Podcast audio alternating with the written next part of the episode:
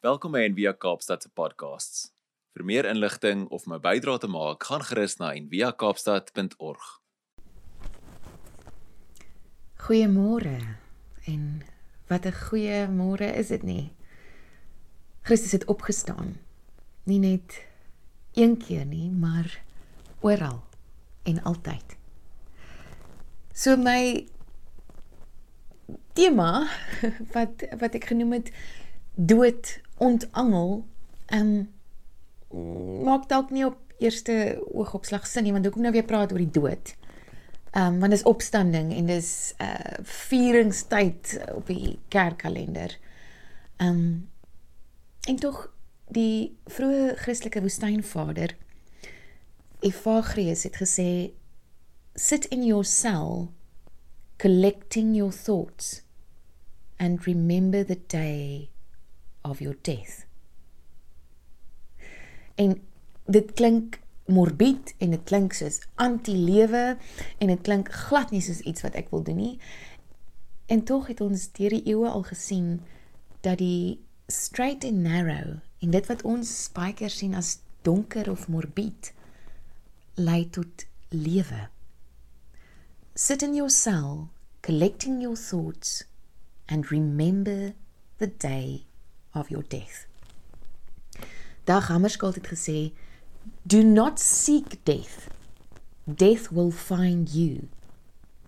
But seek the road which makes death a fulfillment." Ons almal se lewens hang aan 'n draadjie. Die die lewe is 'n 'n one-way ticket. Die onderskeid is dat die meeste van ons ehm um, tot die dag wat ons doodgaan net sukkel om ons lewens agter mekaar te kry, om ons lewens bymekaar te kry. 'n Paar van ons kom op die punt om ons lewens weg te gee vir iets groters. En nog minder van ons om ons dood weg te gee as 'n geskenk. Ronald Rolheiser het gesê there are three major stages of Christian discipleship. The struggle to get our lives together, wat meeste van ons meeste van elke dag is. The struggle to give our lives away and ultimately the struggle to give our deaths away. Maar hierdie laaste konsep is 'n bietjie volksvreemd vir ons. Hoe hoe gee mens jou dood weg? Henry Nouwen het op 'n keer gesê dat daar 'n tyd in jou lewe kom wat die groot vraag nie meer is hoe kan ek lewe sodat my lewe steeds 'n bydrae lewer nie. Die vraag word eerder, hoe kan ek leef sodat wanneer ek sterf, my dood 'n wonderlike seën is vir my familie, my vriende, my kerk en die hele wêreld. En dis nie 'n vraag vir 'n mens se ou dag nie. Vandag kan jou ou dag wees as ons dink in terme van van dae en maande en jare. Nie een van ons weet hoeveel minute of dae of jare daar nog vir ons oor is nie. En um, ek wil iets daaroor sê oor hoe ek my dood kan weggee as 'n geskenk aan die hand van 1 Korintiërs 15 vers vers baie vandag. Ek sien toe ek um, my Bybel oopmaak en blaai na 1 Korintiërs 15 toe daar's net sulke enkele teksgedeeltes um gehighlight. Uh en ek verstaan nou hoekom, want dis 'n moeilike hoofstuk. Dis 'n dis 'n 'n deel in die Bybel wat wat Paulus 'n ander taal praat. 'n 'n taal wat 'n mens nie kan begryp nie. 'n taal wat jy moet aangryp. En gelukkig hoef ons nie alles te begryp om aangegryp te word daardeur nie. Hy praat opstandingstaal. Die hoofstuk se naam is die opstanding. So ek het nie baie goed geonderstreep nie want ek het dit obviously nie verstaan nie.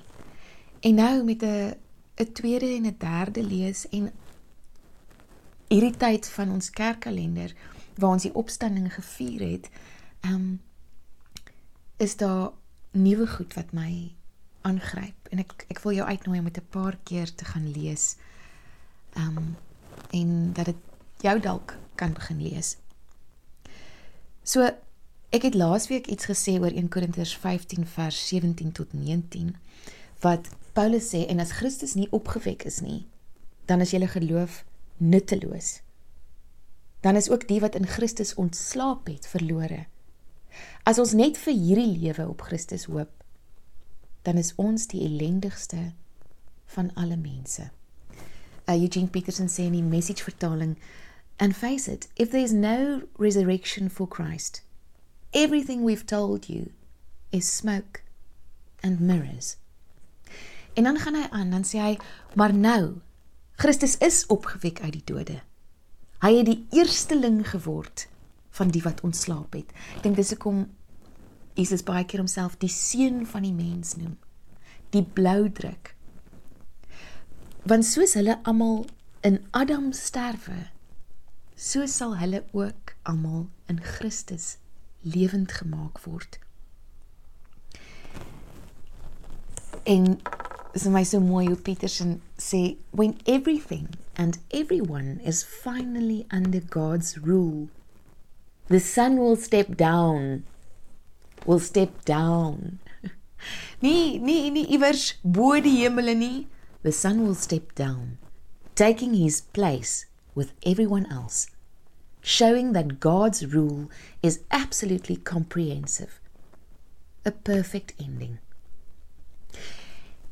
En dan sê Paulus die volgende. Hy sê ek sterf dag vir dag broers. En hy beskryf hoe hy die hele tyd in gevaar is, hoe hy homself die hele tyd in gevaar vasloop want hy skroom nie om sy sy enigste prioriteit om lewe in Christus ehm um, te openbaar om in Christus te leef. Hy skroom nie om dit heeltyd en oral te lewe nie in die gesig van die dood. Ek sterf dag vir dag, broers. So waar as wat ek op julle roem in Christus Jesus ons Here. En dan sê hy: "Maar as die dode nie opgewek word nie, laat ons dan eet en drink." want môre sterf ons. So dis die dis die een moontlikheid hoe 'n mens kan leef. Um die engel sê if there's no resurrection, we eat, we drink, the next day we die and that's all there is to it. But don't fool yourselves. Don't let yourselves be poisoned by this anti-resurrection loose talk. Think straight awaken to the holiness of life. Ignorance of God is a luxury you can't afford in times like these. So die een manier van lewe is om net te gaan well, ons ons eet, ons drink want môre gaan ons dood. So ons voed en soms vergiftig en dikwels bevredig net hierdie liggaam. Hierdie fisiese sterflike liggaam wat ons gekry het. Maar dan gaan hy verder deur te sê daar's 'n opstandingsliggaam. 'n opgestane liggaam. So I say some skeptic is sure to ask, "Show me how resurrection works." Wys my hoe die opstanding werk. Geef my 'n diagram, geef my 'n prentjie. What does this resurrection body look like? As jy naderby hierdie vraag beskou, is daar geen diagramme vir hierdie soort ding nie, so sê Eugene Peterson. We do have a parallel experience in gardening and tuinmaak. You plant a dead seed and soon there's a flourishing plant. There is no visual likeness between seed and plant. You could never guess what a tomato looks like by looking at a tomato seed the dead body that we bury in the ground and the resurrection body that comes from it will be dramatically different. And as it's my mooi, I say you get a hint at the diversity of resurrection glory by looking at the diversity of bodies, levende liggame hier rondom ons, not only on earth but in the skies. Sun, moon, stars, all these variety of beauty and brightness. And we're only looking at pre resurrection seeds. As ek as ek iemand sien wat vir my mooi is of vir wie ek lief is of my kinders wat vir my so mooi is. Dis net pre-resurrection seeds. vooropstanding saadjies. Imagine what the resurrection plants will be like. As die saadjies so lyk, verbeel jou hoe gaan die plante eendag lyk. In the same way that we've worked from our earthly origins, let's embrace our heavenly ends. En dan gaan Paulus verder deur te sê aan die einde: Kyk, ek deel julle 'n verborgenheid. Ons sal wel nie almal ontslaap nie, maar ons sal almal verander word. In 'n oomblik, in 'n oogwink.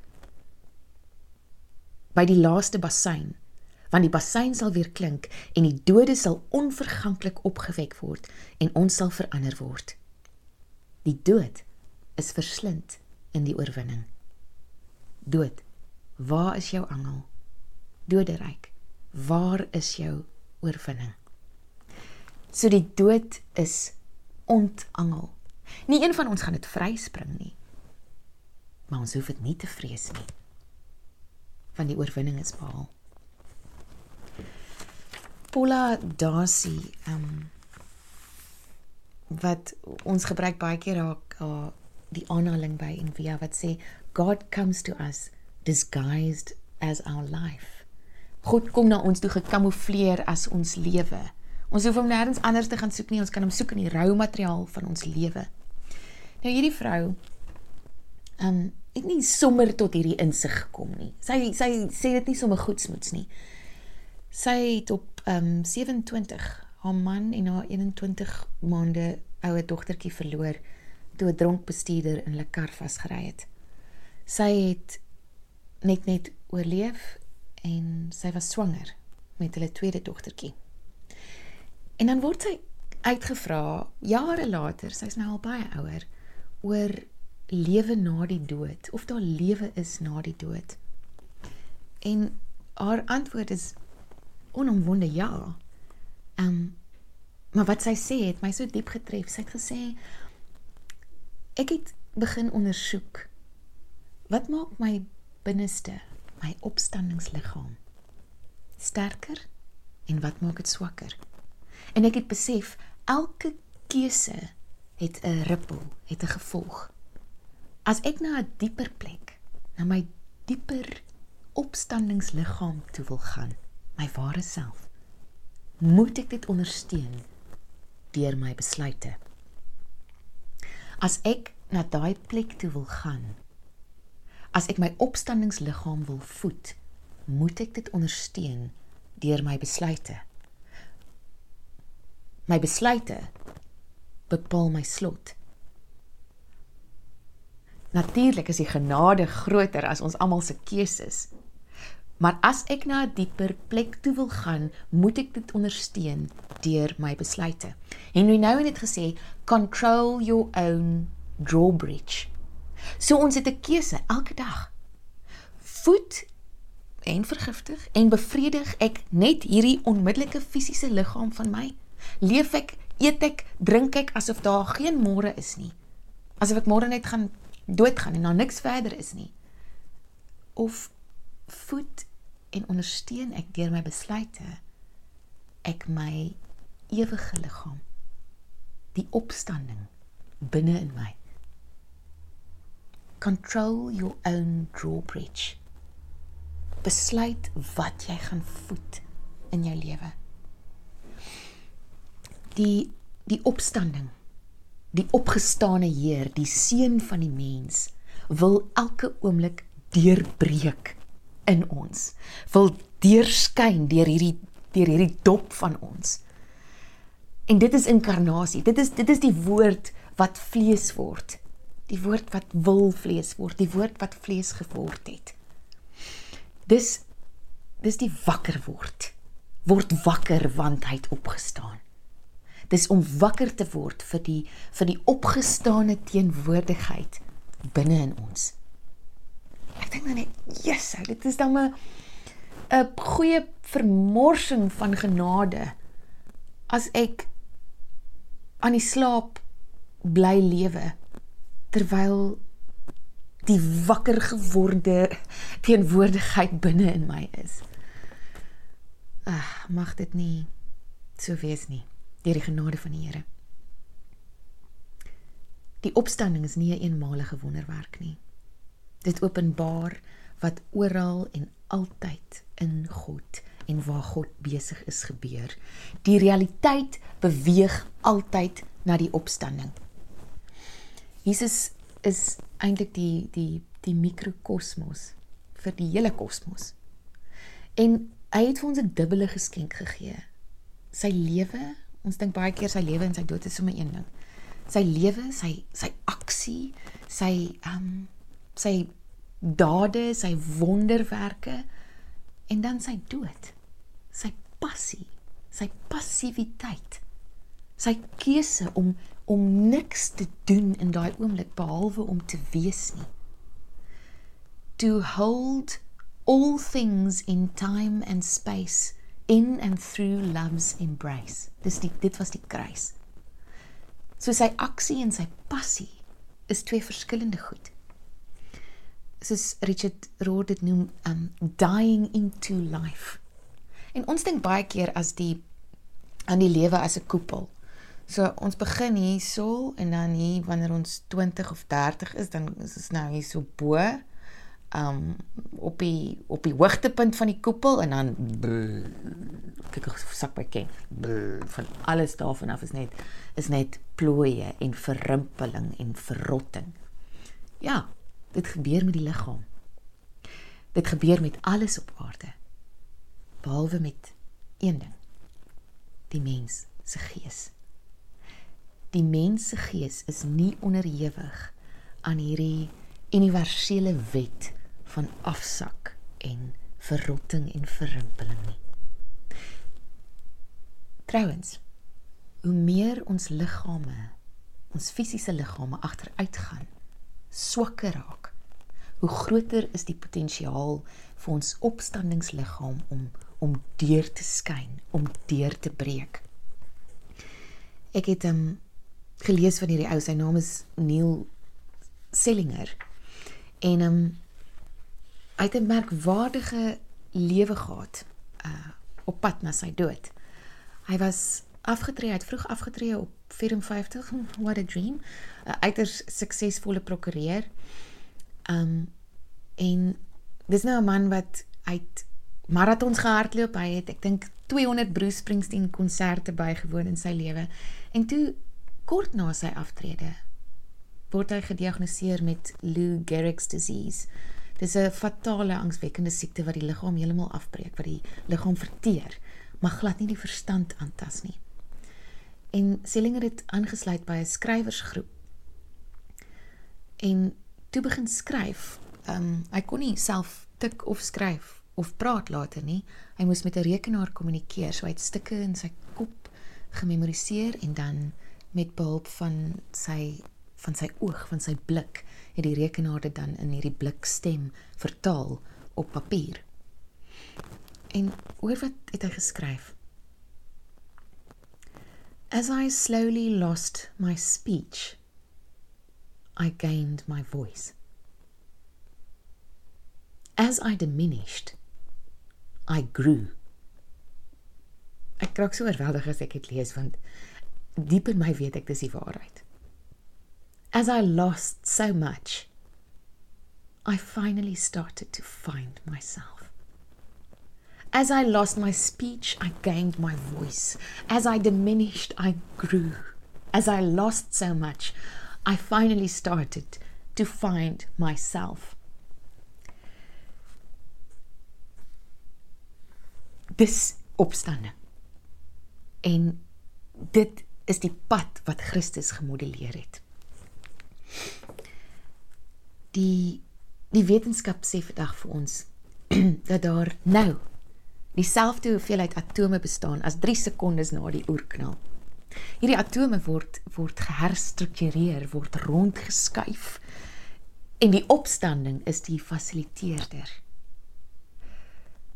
Ons kan vertrou in 'n God deurdrenkte toekoms omdat dit van die begin af al so bestem is. 'n God deurdrenkte toekoms. 'n is Richard Rohr se woorde, 'n God-soaked future.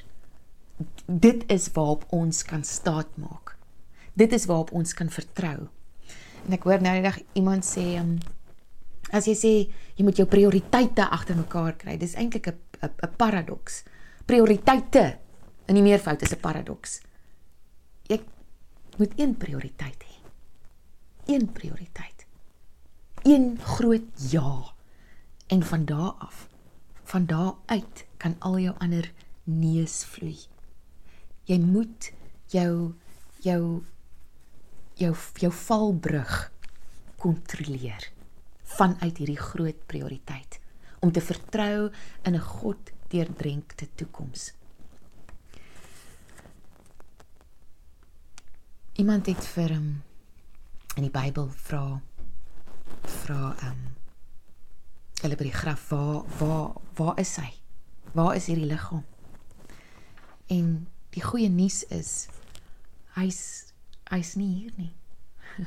hy's oral. Hy's nie net hier nie. Hy's oral en in alles. Die Fransiskaanse teoloog Elia Delio ehm um, herinner ons so dat ons die opgestane Heer. Ons kan vra waar is die opgestane Heer? En ons kan dit so in ons lewens vier. Where is this risen Christ?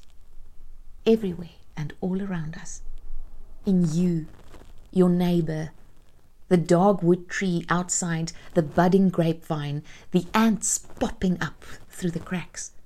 The whole world is filled with God who is shining through even in the darkest places of our lives. To go to church, soos vanoggend nou, is to awaken to this divine presence in our midst and respond in love with a yes. Your life, O oh God, is my life and the life of the planet. Ek wil vir ons afsluit met 'n gedig deur um oorspronklik deur Goethe. Um en dis in die Duits vertaal deur Robert Bly. Um hy noem dit the holy longing. En sy eerste woorde word nogal baie duidelik deur die res van die gedig. Tell a wise person, or else keep silent, because the mass man will mock it right away. Soos die opstanding. The mass man, die massa, gaan dit mock want maak nie sin nie om om jou speech te verloor en jou stem te vind maak nie sin nie om minder te word en te groei maak nie sin nie die somme klop nie um, om so baie te verloor en dan jouself te vind maak nie sin nie. Dis opstandingstaal. Ons kan nie vir iemand verduidelik as ons 'n tamatie saadjie sien hoe 'n tamatie eendag gaan lyk nie. En is dit nie 'n wonderbaarlike vooruitsig nie? In elk geval. The mass man will mock it right away. I praise what is truly alive, what longs to be burned to death.